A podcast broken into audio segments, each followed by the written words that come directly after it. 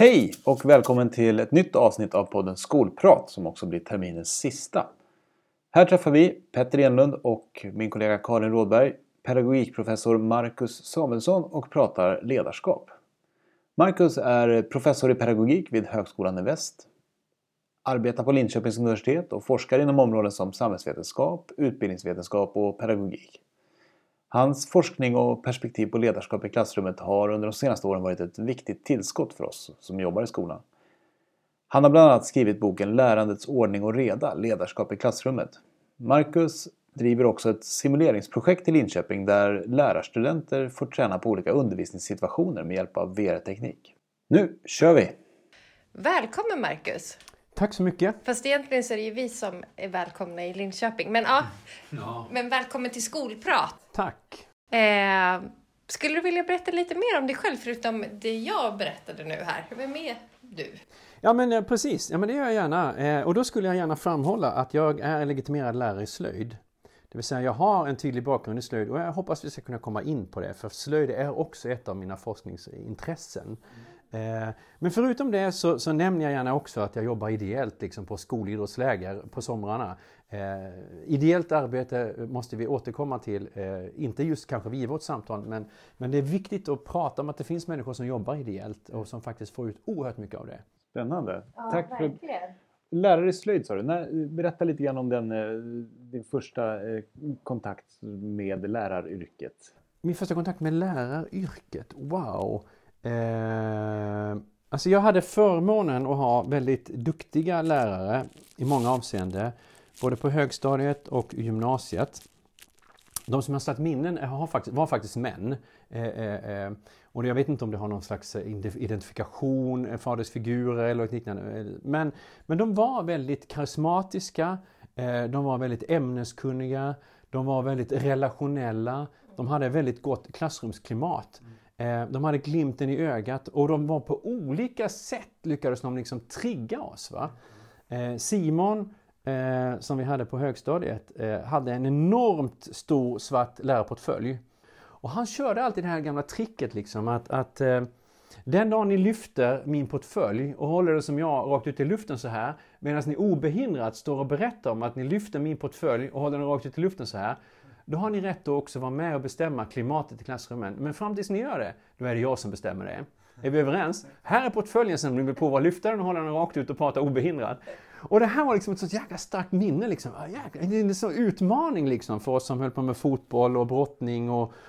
Var det någon som lyckades lyfta upp den? Nej, det var ingen som lyckades. Nej. Nej. Vi tror att han la i så mycket när han väl började liksom. Men jag tog med mig det där tricket sen till slöjden, för jag hade en, en kille som väldigt sällan kom till lektionerna. Men han eh, kom till slöjdundervisningen, men då tyckte de andra att ah, när han är här så är han ofta så stökig. Och liksom höll på att brottas med de andra. Och så, så sa jag det till dem så här att, att eh, ja men alltså, du är, jag älskar att du är på, på slöjden. Men här inne är den här principen som gäller, att, att den som kan flytta det här städet, eh, sån här liksom, bordstäd från den här bänken till den här bänken här borta och samtidigt prata obehindrat är det som talar om ordningen här inne. Så att eh, i och med att jag nu har flyttat den liksom så här och så flyttar jag tillbaka den igen så visar jag att det är jag som styr här inne. Och han var ju liksom direkt på att jag bara och sen stod jag. Och sen så kom han tillbaka och sen så med jämna mellanrum så prövade han och sen hittade vi någonting i det där. Och de andra sa att det är nog första gången som han är med på lektionerna utan att hålla på att störa. Mm. Och sen utifrån det då, att han bara kom dit, så sa jag så här, men vad vill du göra då? Ja, jag vet inte, jag vet inte. Du är rätt okej okay, liksom. Och så här, jag ska lyfta det här jävla städet liksom. Ja, men vad vill du göra då? Ja, jag kan tänka mig att svarva. Ja, så, så han fick svarva liksom. Och sen svarvade han. Och sen svarvade han. Och sen svarvade han. Och till slut så sa han så här. Eh, han kom någon dag liksom efter halva terminen. Så sa ja, tjena. Ja, vad ska du svarva idag? Vadå svarva? Jag ska inte svarva idag. Är du inte klok? det finns inget mer jag kan svarva. Vad ska jag göra nu då? Jag funderar på vad de andra gör liksom. Och det hade jag över tid liksom. Genom att säga så här, du är välkommen hit liksom. Vi hittar någonting att göra. Blev han godkänd slut? Han blev godkänd slut. Häftigt. Ja. Vilken, vilken berättelse. Ja, ja visst. Ja, men, och, och, och, men det sätter väl fingret på, på, på något sätt att man måste titta bortom. Och kan säga, man kan liksom titta just nu när man... Oh, och han är så stökig och orolig och, och stör de andra och det blir dåligt klimat. Och sen hittar han, men vänta lite, kan, är det någonting jag kan göra för att justera det här? Och få honom ändå komma hit och ändå få dem att vara med och få del av den här gemenskapen som vi har. Men hur, hur eftersom, det, det märks ju att du brinner för ditt ämne. Liksom. Eh, Ja. Hur kom du då in på forskarspåret? Alltså, vad, vad var det som gjorde att du liksom, från lärargärningen i slöjd kom in på det? Det är en lite, lite eh, olycklig historia, eller lite tragisk historia, eller vad man ska säga. Eh, man bygger upp det här för lyssnarna nu, liksom, oj vad är det nu som har hänt liksom? eh, ja, precis. Nej, men jag utvecklade en allergi. En överkänslighet mot damm och mot terpentin. Och har man lite koll på, på skolslöjd så minns man att det var mycket furu och i furu finns terpentin. Så det räckte med att komma in i slöjdsalen. Och då hade de en magisterutbildning i Linköping. Och jag hade liksom läst under tiden som jag jobbade. Så när det här magisterprogrammet dök upp så tänkte jag, "Ah, jag ska prova att läsa det. Och på det här magisterprogrammet så skrev jag en uppsats om slöjd. Eh, Och sen vid något tillfälle så, så var det liksom tal om, men vad gör ni när ni är färdiga då? Då dök det upp en professor min, som sen blev min handledare och sa att ja, hej hej, jag heter Kjell Granström. Vi har en doktorandtjänst nu. Så jag tänkte, ja, men det, det verkar ju spännande liksom. Så att jag sökte. Och för de som, visst är det Kjell Granström som ligger bakom uttrycket friutrymmet till exempel? Ja. Eh, Det är väl hans eh, och eh, också en ledarskaps... Ledarskapsprofil, ja precis. Definier, gjorde ju en enkel modell som, som, som vi också eh, använder oss i vårt nuvarande simuleringsprojekt. Liksom göra en uppdelning mellan lärarskap och ledarskap. Kjell använde aldrig ordet didaktik. Alltså han hade inget emot didaktik, men han använde inte det ordet utan, utan han liksom uppfann ju lärarskap. Och sätta det i relation till ledarskap. Det var nog hans sätt att hantera det här. För, för det här tycker jag är jätteintressant. Du använder begreppet didaktiskt ledarskap. Ja, Och, och han använder lärarskap eh, och ledarskap. Ja, precis. Och, och jag tänker att didaktiskt ledarskap fångar precis det han försöker fånga i sin modell. Det vill säga man måste ha en, en man måste ha ett ämnesdjup och man måste ha förmågan att bedriva ämnesundervisning. Men man måste också samtidigt kunna leda undervisningen i klassrummet. Till exempel välja arbetsform och så vidare. Och då har jag på något sätt i, relation till vår forskargrupp här i Linköping tagit liksom hans modell och sen sagt men det är ju didaktiskt ledarskap det handlar om. Och, och det, det, den röda tråden i din forskning är ju just ledarskap, eller hur? Ja. Eh, och, Ja, jag vill tro det i alla fall. ja. I din bok Lärandets ordning och reda, eh, då skriver du bland annat om FMLU. Ja, just det. Nej, men man säger det FLMU, eh, eller skriver framförallt upp det FLMU, eh, för att se hur folk läser det. Och då läser folk det som om man skriver flum. För det är ju exakt samma bokstäver. Ja. Så det var ju liksom ett lek med orden. Va? Men själv tycker jag att det, det är bra, för det brukar fånga eh, åhörare och se hur de reagerar. Jag var en gång på besök i riksdagen, utbildningsutskottets öppna utfrågning och hade det där med. Och jag såg hur politikerna läste ut det som flum och skrattade lite. Ja, jag sa det står inte flum, det är ett annat begrepp. Det här står det FLMU. Det står från ett helt annat. Öh, Ja, jag kom lite grann av sig liksom. Vad står det för? Alltså jag tänker att det står för, för fyra stycken aspekter, fyra stycken egenskaper, fyra stycken delar som, som är en del av ett framgångsrikt ledarskap. Oavsett vi snackar skolan, pedagogiskt ledarskap, rektor, skolledare, didaktiskt ledarskap eller faktiskt ledarskap utanför skolan också. Det handlar om att man jobbar förebyggande, som F, långsiktigt, målmedvetet och uthålligt. Och då finns det ju amerikanska forskare som har räknat fram, och det här är jättespännande tycker jag, de säger så här, 80% av den framgångsrika lärarens arbete handlar om det förebyggande arbetet. För jag blir så här, alltså det är inte 79 då, eller 81, utan det är 80% liksom.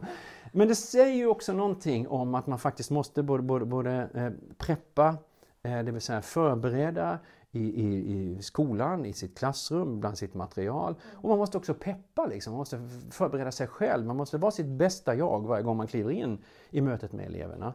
Lägger du in undervisningsplanering där i förebyggande? Eh, ja, absolut. Det ligger ju där. Jag tänker mig en lärare lite som Stefan Holm när han var på toppen av sin, Ni vet, när han står och slår sig själv på benen Mm. Ja, och peppar igång sig själv. Ja, ja, ja. Lite, men det där kan man väl relatera till att man har gjort själv som lärare. Absolut. Ibland är man inte sugen men man peppar igång.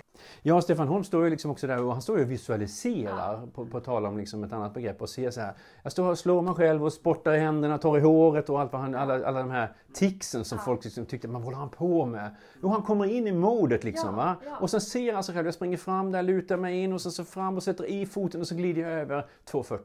Men han hade också förberett sig. Han hade ju verkligen gett sig själv förutsättningar för att lyckas. Men så han gjorde sina 80 procent. Ja, han gjorde sina 80 procent. Ja, och han visste ju också att jag kommer kunna bli världsmästare. Men kanske inte idag och inte imorgon. Men, men, men det, här, det här är ett långsiktigt mål, liksom. så det är både L och M. Liksom. Det finns en långsiktighet i det här och en systematik. Det där kan jag tänka mig är en jättestor utmaning för en lärare att komma till en skola eh, så ska man nå resultat snabbt.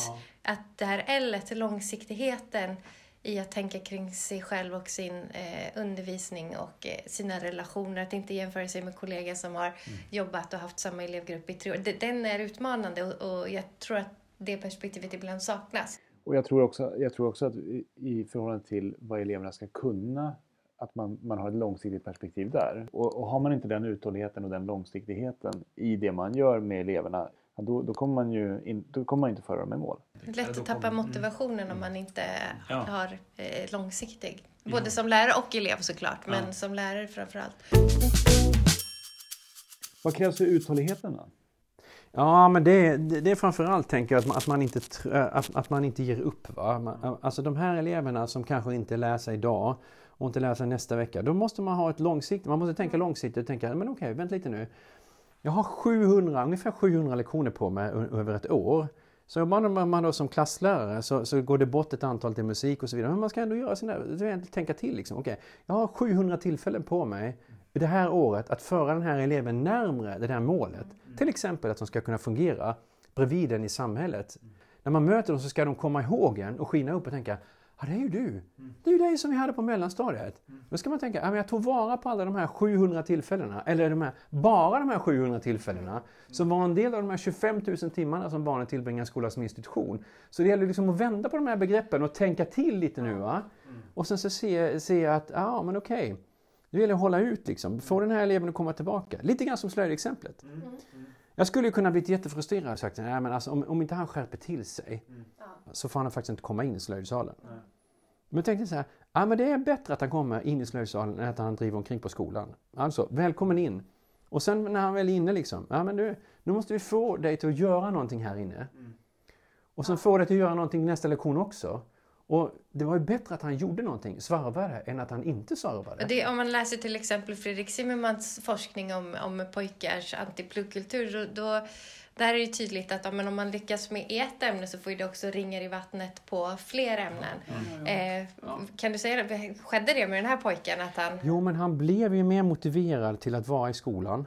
Han blev liksom över tid också mer motiverad till att komma in i andra eh, lärares undervisning och inte störa. Fast han hade, inte, han hade inte lika mycket utmaningar där. Han hade nämligen inget, inget bänkstäd att flytta. Och han hade liksom, han behövde på något sätt den typen av utmaning. Så det gäller att identifiera då, alltså vad behöver den här eleven för en utmaning? Och, och det, det exemplet du tog från din egen skolgång. Du, du nämnde att ni var sportkillar, eh, ganska många i den klassen. Då, och då, då behövde ni den typen av liksom, ändå så här, att det spelar roll och att han hade ident- identifierat det hos er. Var ju också ett erkännande på något vis av han såg dig då som, som person. Liksom. Ja, men uthållighet står ju framförallt för att man måste ta strid. Man- Alltså, man, man måste, jag tänker man måste ta strid mot en skolledare som blir panikslagen eller, eller en barn och utbildningschef som blir panikslagen. Så Vi måste höja meritvärdet. Då säger man så ja självklart, jättebra, det tycker vi också. Eh, Men hur snart tänker du vi ska kunna göra det? Och hur, hur ser vägen dit ut liksom? Och vilka resurser har vi? Vilka, vilka möjligheter har vi? Och vad är realistiskt? Och så säger man, okej, men låt oss skapa en uthållig eh, liksom, väg framåt. När man pratar om ledarskap så pratar man ganska ofta om de här klassiska, det auktoritära, det auktori, auktoritativa och det, det, det som man ibland kallar låt gå-ledarskapet eller eh, så. Eh, och där det auktoritativa kanske är det demokratiska ledarskapet i andra, i vissa fall så beskrivs det så. Alltså, hur förhåller du dig till den här typen av liksom idealbeskrivningar av lärares liksom sätt att leda? Eh, och liksom, hur förhåller du dig till, till eh, lärarens, hur läraren använder sin personlighet? I ett tidigare simuleringsprojekt här i Linköping så utgick, utgick vi just från de här ledarstilarna som det i allmänhet kallas för. Eh, Eh, för det var enkelt att programmera ett innehåll i relation till ledarstilarna och sen så ta ett lärande objekt och sen differentiera olika kritiska aspekter i relation till de här ledarstilarna. Så vi utgick ifrån det då. Eh, och det visade sig att det var också väldigt bra därför lärarstudenter har väldigt lätt för att associera kring ledarstilar. Mm. Det visade sig nämligen så här att, att när de i, försökte i vår simulering, fast vi sa till dem så här, det handlar inte om att göra rätt eller fel, mm. så letade de hela tiden det rätta sättet att göra. Mm. Alltså de letade efter, i den här hade vi också med det demokratiska, så vi hade fyra ledarstilar. De letade efter den auktoritativa och den demokratiska och kunde sitta och resonera. Mm. Inför inspelningarna vi gjorde vid datorn så här, vilken av de här är nu den demokratiska då? Ja. Alltså Marcus han är ju schysst men det finns säkert ett rätt svar och det är säkert det demokratiska. Ja, eller den auktoritativa. Ja, men vilken är det då? Så att de har det med sig skulle jag säga. Och jag tror att det inte är så så här att de har sökt in på lärarutbildningen därför de har erfarit lärare i skolan som har legat väldigt nära de här idealen utan att ha sagt så här att jag är auktoritativ eller demokratisk. Så har de legat nära innehållet i de här ledarstilarna. Sen möter de eh, VFU-handledare eller mentorer som också ligger ganska nära det där. Och sen satt de och resonerade med oss när vi gjorde intervjuer. Så sa de så här att ja, men, eh, alltså, det är ju så här på lärarutbildningen att ni vill ju att vi ska bli sådana här auktoritativa. Mm. Alltså, vi har förstått det nu av litteraturen, av de vi möter på... Så att det finns starkt i oss. va? Mm. Så vi behöver liksom inte, alltså det är ju förenklingar på ett sätt, precis som Kjell Granströms ledarskap och lärarskap är förenklingar. Men förenklingen syftar till att göra det enkelt för oss att prata om någonting. Alltså, det ger oss verktyg. Thomas Nordahl, han har ju gjort en sammanställning som har blivit ganska bra. Detta vet vi om klassledelse, som ja, är, ja. tycker jag är läsvärd. Men han pratar ju om de här eh, delarna som vi behöver stå för ett situationsanpassat ledarskap. Eh, och vi behöver kombinera det med, med reflektion. Mm. Eh, för, annars, för, för vi går igenom så pass många beslut i varje del av vår undervisning. Och jag tänker på det när, du, när jag hör dig berätta. Nej, men Nordahl är inne på något viktigt. va? Eh, och, och det här är också någonting som jag sett, eh, jag och, och Gunnel Kolnerud i vårt förra simuleringsprojekt där vi intervjuade studenter. Eh, vi hade en grupp studenter i den här tiden av evidensbasering. Mm. Som när vi pratade med dem så gav de uttryck för att, att alltså ett naturvetenskapligt ideal. Va? Som, som att ja, men vi borde ju leta efter evidens. Det borde ju finnas liksom färdiga lösningar för hur man ska bete sig i klassrummet som ledare. Mm. Och de var liksom lite grann upptagna, de hade gått på den idén om att det finns ett sätt, till exempel om jag kommer in och startar lektionen på det här sättet så funkar det alltid. Ja, det. Och så fanns det en annan grupp studenter som var i, i ett stora flertal som eh, liksom identifierade oss med något som vi kallar för dilemmamodellen. De insåg att ja, men det är inte så enkelt därför att det är antingen eller. Mm. Det är individ eller grupp. Mm. Det, det, är läraren eller eleven. Det, det, det är styrning eller anpassning.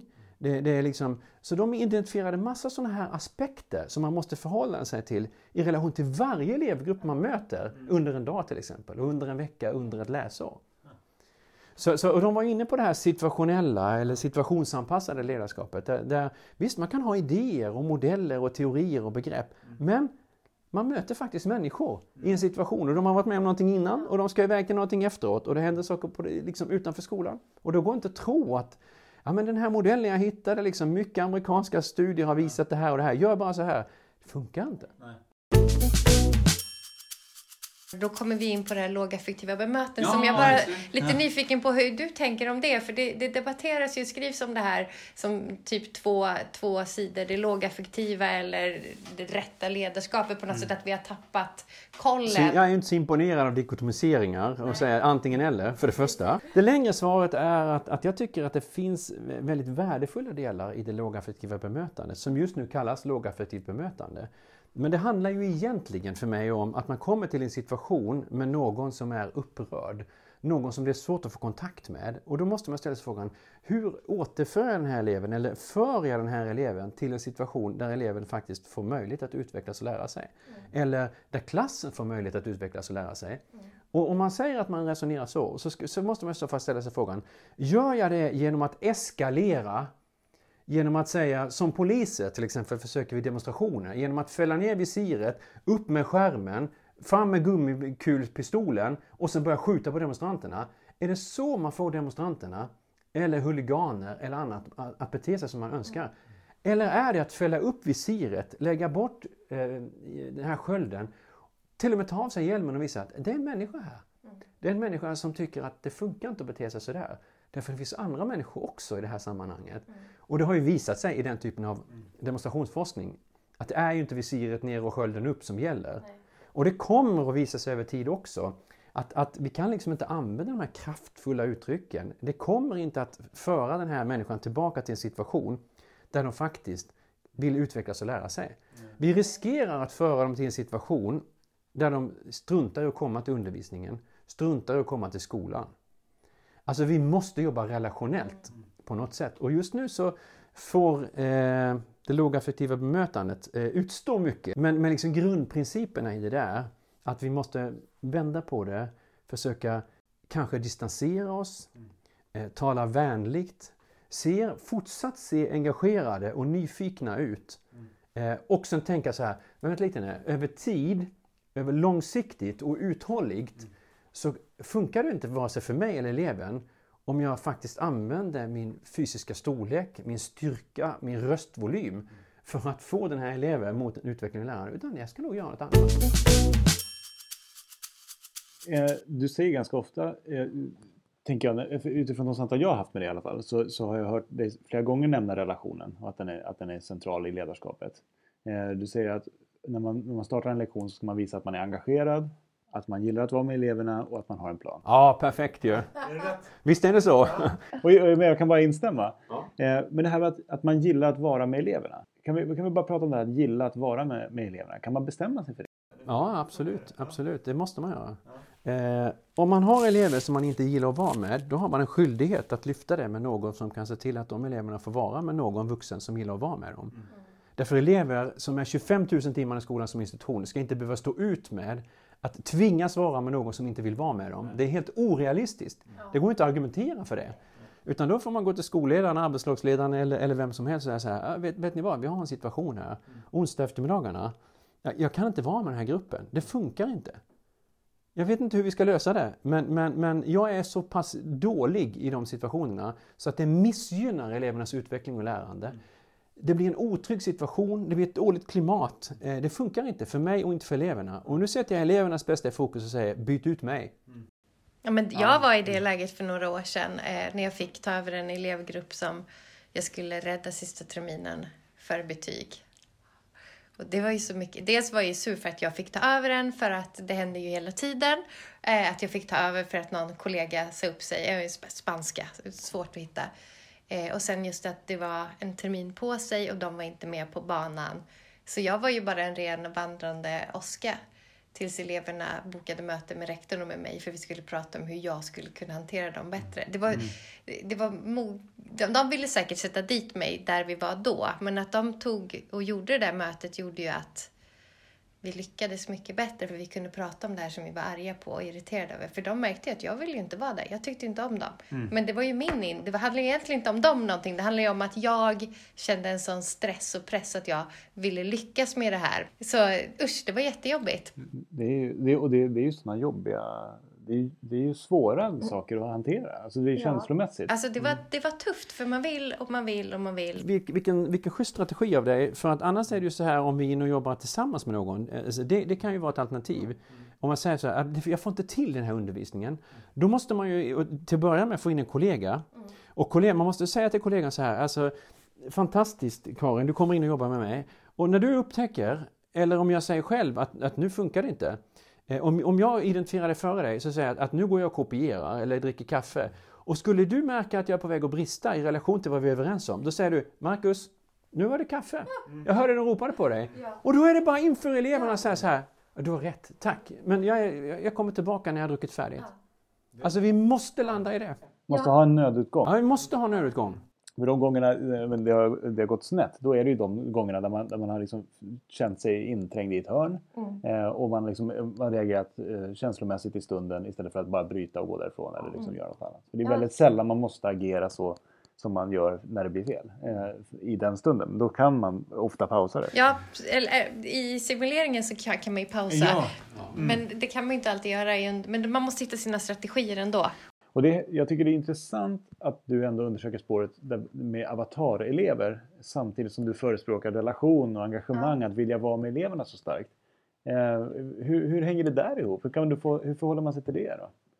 Alltså, för avatarerna, så här, du hinner ju aldrig bygga en relation med dem menar jag. Eh, det är ju bara en undervisnings, ett undervisningstillfälle liksom. Men det finns ju en person som faktiskt är med och liksom ja. reagerar på dig. Men jag tänker, jag, jag, vet inte om jag håller med dig, men det måste jag inte heller. Du har inte sagt det, att det var en förutsättning för det här.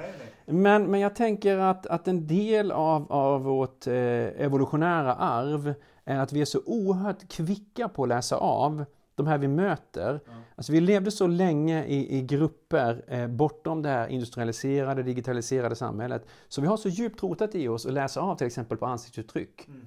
Och försöka se, är, det här människan, är den här människan eh, nyfiken, positiv, vänligt inställd eller inte? Mm. Eh, så, och det här är jobb, alltså det gör man ju också på avatarer. Alltså faktiskt möter man avatarerna den här, den här korta stunden. Mm. Så, så avatarerna läser ju av. De är ju intresserade av, kollar hur pass engagerad är den här människan. Mm. Eh, hur pass relationellt intresserade är de? De kommer att anpassa sig, kan jag avslöja för de som inte har fått möjlighet att träna det här. Mm. Skulle man liksom tycka att det här är jätteläskigt och, och, och backa ifrån skärmen där de befinner sig, mm. kanske till och med och gömma sig bakom den här whiteboardtavlan som vi har, så kommer de att anpassa sig efter det. Mm. Och de kommer att visa att det här var otrevligt. Det här hade inte jag förväntat mig av det som ni kallar undervisning. Ja.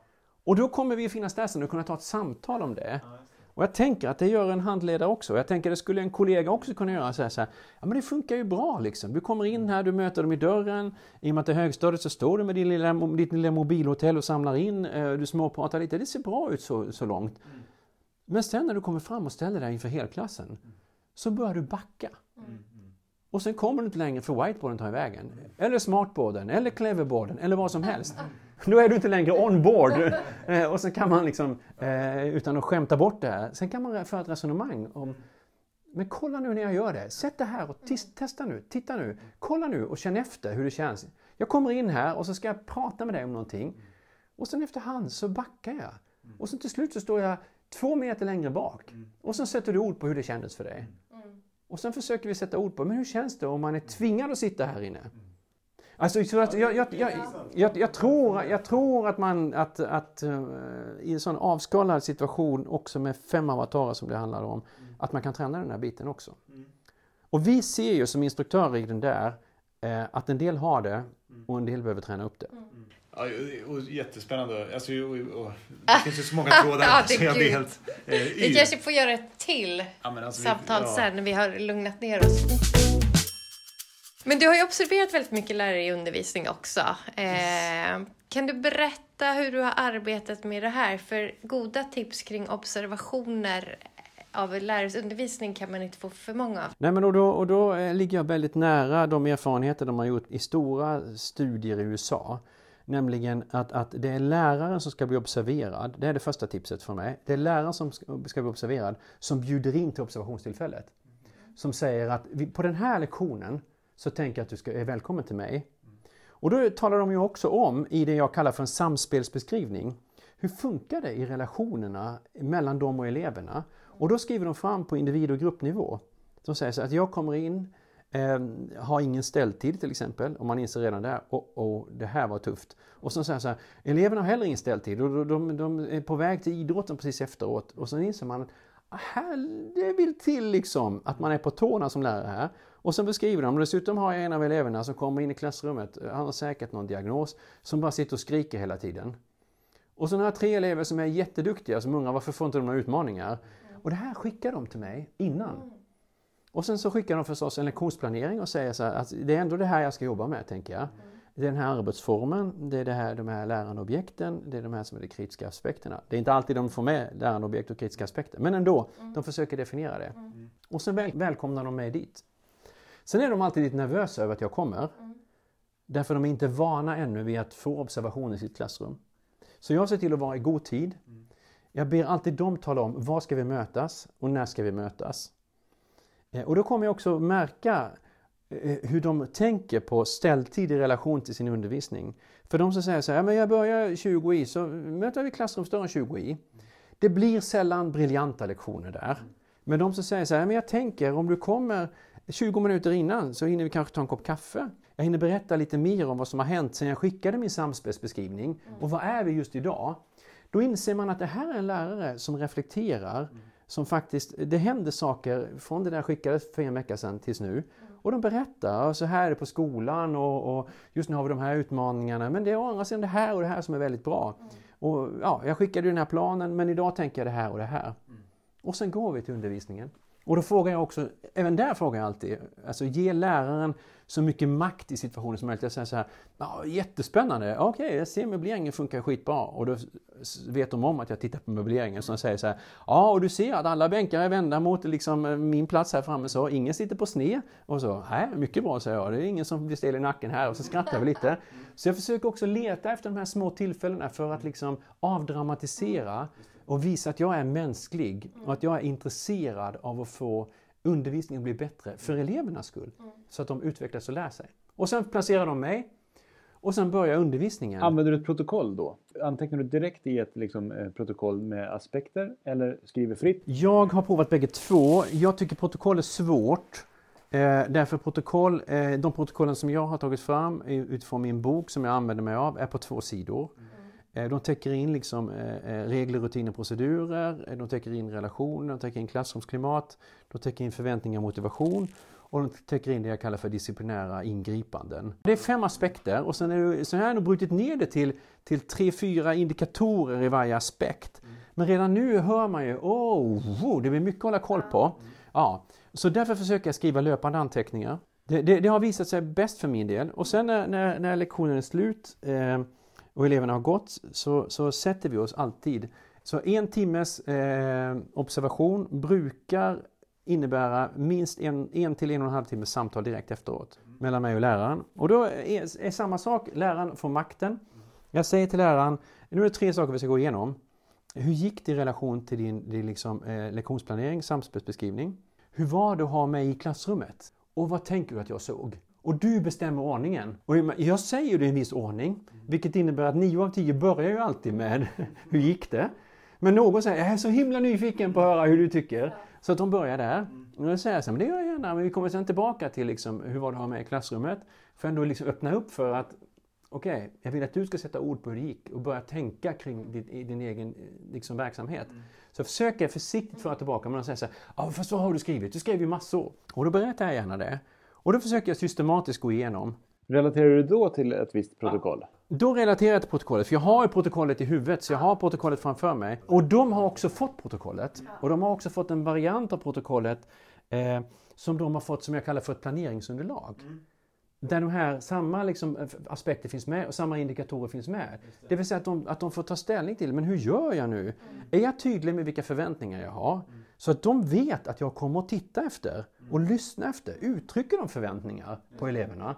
Sen är det inte någon hittills som har visat hur de har fyllt i det här. Men de säger att det är himla bra det där planeringsverktyget. Ja. Och det är, alltså samma, det är alltså samma sak som jag sen tittar på, som de då uppmanar. Så jag säger så här, det här säger forskningen, den internationella forskningen, mm. att det här måste man ha koll på mm. som ledare i klassrummet. Så varsågod! Det är intressant tycker jag med de, där, med de där punkterna som säger så här, det här måste man ha koll på när man, när man undervisar. För sättet man kan göra det på, det finns så många sätt, det finns så många hur. Eh, det är jätteintressant tycker jag det du beskriver och, det, och att, det, att det blir den typen av långa återkopplingssamtal. Ja, men sen är det inte slut med det kan jag säga. Det, det kanske man tänker, oh, oh, oj vad bra. För sen går jag hem och sen tar jag mina löpande anteckningar och för in i de här protokollen. Och titta alltså, men hur gjorde, jobbade läraren nu med regler, procedurer eh, och rutiner? I relation till det här liknar liksom Skolinspektionens eh, femgradiga skala. Nej, men så och det tar ju ytterligare en timme för mig att fixa med det. Och då för jag in det här, plus att jag sen skattar. Hur stor del av lektionen ägnade läraren åt eh, regler, rutiner, procedurer, åt relationer, åt disciplinära ingripanden. Alltså fördelat, 100% fördelat på de här fem områdena. Så det får de också återkoppling på. Eh, så att det tar mig Alltså en timmes lektionsobservation tar mig två, minst två och en halv timme att liksom återkoppla till läraren. Men vilken mm. värdefull återkoppling. Ja. Slutligen, du är ju en av fem forskare Ja, det är ju egentligen inte så svårt. Alltså, eh, alltså, man skulle kunna tänka sig att man tackar nej därför att det är en friskola. Man, man, skulle kunna ha föreställning om, nej men oh, jag ska inte beblanda mig med det. Mm. Men då tycker jag man gör det väl enkelt för sig själv. Därför att då sätter man inte elevernas bästa i fokus. Därför det finns elever i alla skolor. Och om vi vill, vill, vi verkligen vill jobba för att alla elever ska få möjlighet att känna sig trygga, utvecklas och lära sig. Om vi verkligen är intresserade av det, då kan vi inte säga så här, men det här är min skolform och det är skolformen som jag sätter framför som ett hinder. Så, nej, jag vill inte hjälpa de eleverna. Så jag är intresserad av de eleverna som går i era skolor. Det är nummer ett. Nummer två är Jag visste ingenting om er skola. Så tänkte jag så här, men gode gud, de öppnar dörren och säger hej och välkommen. Du får vara med i en verksamhet hos oss. Du kommer få liksom tillgång till att vi berättar. Kan du verkligen säga nej till det? Om du nu vill veta någonting om den här friskolan. Är inte det här en fantastisk chans att få lära dig mer om den och kunna säga så här, ja men jag är i en skola, friskola, jag har ganska bra koll på den, där jobbar de så här och så här. Och sen möjligheten att, få föra samtal kring de som verkligen vill utveckla sin skola, sin verksamhet och få den till att vila på vetenskaplig grund. Så det är tre goda skäl, tänker jag. Verkligen, ja, tack. Höll de eller? Och vi är jätteglada att du är med. Verkligen, ja. superglada. tack. Ja. Ja, slutligen så brukar vi avsluta med att den vi samtalar med får ge tre konkreta tips eh, kring eh, området vi har pratat om. Idag så har vi pratat mycket om lärarens ledarskap. Så tre du får ge fyra oh. eh, också eh, tips eller, eller konkreta saker som du skulle vilja skicka med till våra lyssnare. Eventuellt så kommer den uppmärksamma lyssnaren nog och, tänka att sa inte Petter eller var det Karin, sa inte de här alldeles innan? Därför det jag vill skicka med ja. det är liksom Eh, elever läser av oss, precis som vi läser av. Om vi tänker till själva så här. Vi kommer till ett, till ett möte med, med, med, någon som har sagt att de ska leda mötet. Så kommer vi att läsa av. Är de här engagerade? Gillar de att vara på det här mötet med oss? Och verkar de ha en plan? Ja. Och fixar de alla de där tre, och det vi läser av dem här blixtsnabbt. Det är inte så att vi har liksom skrivit upp tre kolumner i boken som en massa indikatorer. Utan vi läser av dem här. Och svarar de upp på det direkt så känner vi att ah, det, här, det kan nog bli bra det här. Mm. Det är spännande liksom. Och det här innehållet. Människan ser ju liksom intresserad och nyfiken och engagerad ut också. Och det är de tre sakerna. Alltså om man kan fixa och vara engagerad. Och här kommer man tillbaka till, men hur visar man det då? Det här måste man gå till sig själv och fundera på, men hur visar jag att jag är engagerad? Man kan tänka sig att ja, men jag visar att jag är engagerad genom att stå höft i fäst, va? eller med händerna i byxfickan eller armarna på bröstet. Då måste man fundera på det. Ja, men är det så? De jag står framför, ser de ut som att de tycker jag ser engagerad ut? Mm. För jag tänker att den som är engagerad, man hör det på rösten, man ser det i ögonen mm. eh, och, och, man märker det på hur de faktiskt för sig, hur, hur de beter sig i det här sammanhanget. Och relationen är samma sak. Mm. Om läraren inte möter en i dörren, oavsett om det är de små åren när de tar i hand och kramas och så vidare, eller de äldre åren när de samlar in mobiltelefoner. Och hur läraren beter sig. Alltså står läraren som av ett tvång vi är överens på den här skolan att vi ska stå i dörren, men fan om jag hade fått välja själv, jag hade inte gjort det. Alltså eleverna känner det direkt va. Men sen, sen måste man ju visa på olika sätt att man har en plan. Och det handlar inte instrumentellt att skriva upp att, man, att det är den här tiden och det är de här målen, utan det är andra saker det handlar om. Och då är det tillbaka också på de här korta minuterna man har i början. Och det vet vi också, att de som sätter det här i början, på ett möte eller i en undervisning, alltså de har bättre förutsättningar att lyckas. Stort, stort tack! Tack så jättemycket! Jättekul att vara här i Linköping idag. Ja, vad trevligt! Vad roligt! Roligt att få vara med! Det var det! Blev du intresserad av att höra mer om det här simuleringsprojektet i Linköping där Marcus och eh, hans kollega Anja Torsten provar undervisningssimulator i olika undervisningssituationer? Så gå gärna tillbaks i våran historik och lyssna på avsnittet som heter Hjälper VR-teknik lärarstudenter att utveckla sin undervisning? Där vi träffar både Marcus och Anja och där vi också fick möjlighet att testa den här undervisningssimulatorn. Så varmt välkomna att lyssna vidare på det. Tack för den här gången. Hejdå!